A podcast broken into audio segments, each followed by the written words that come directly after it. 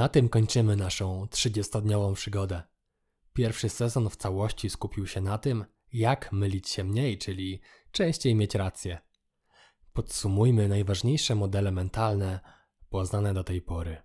Aby uniknąć pułapek umysłu, musisz myśleć bardziej obiektywnie. Spróbuj argumentować od podstawowych założeń, dochodzić do podstawowych przyczyn oraz usłyszeć trzecią historię.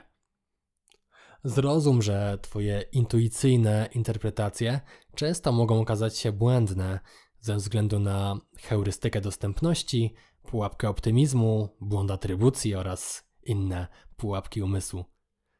Używaj brzytwy Ockhama oraz brzytwy Hanlona, aby znajdować najprostsze obiektywne wyjaśnienia.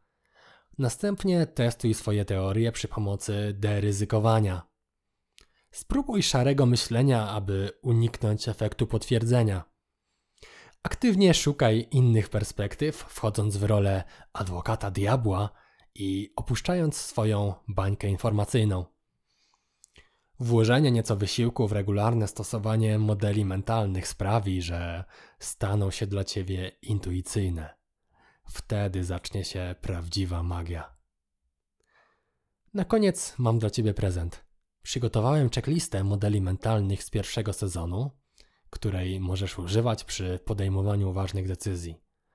Znajdziesz ją na stronie poznajzasadygry.pl ukośnik lista. To jest podcast Zasady Gry. Do następnego sezonu.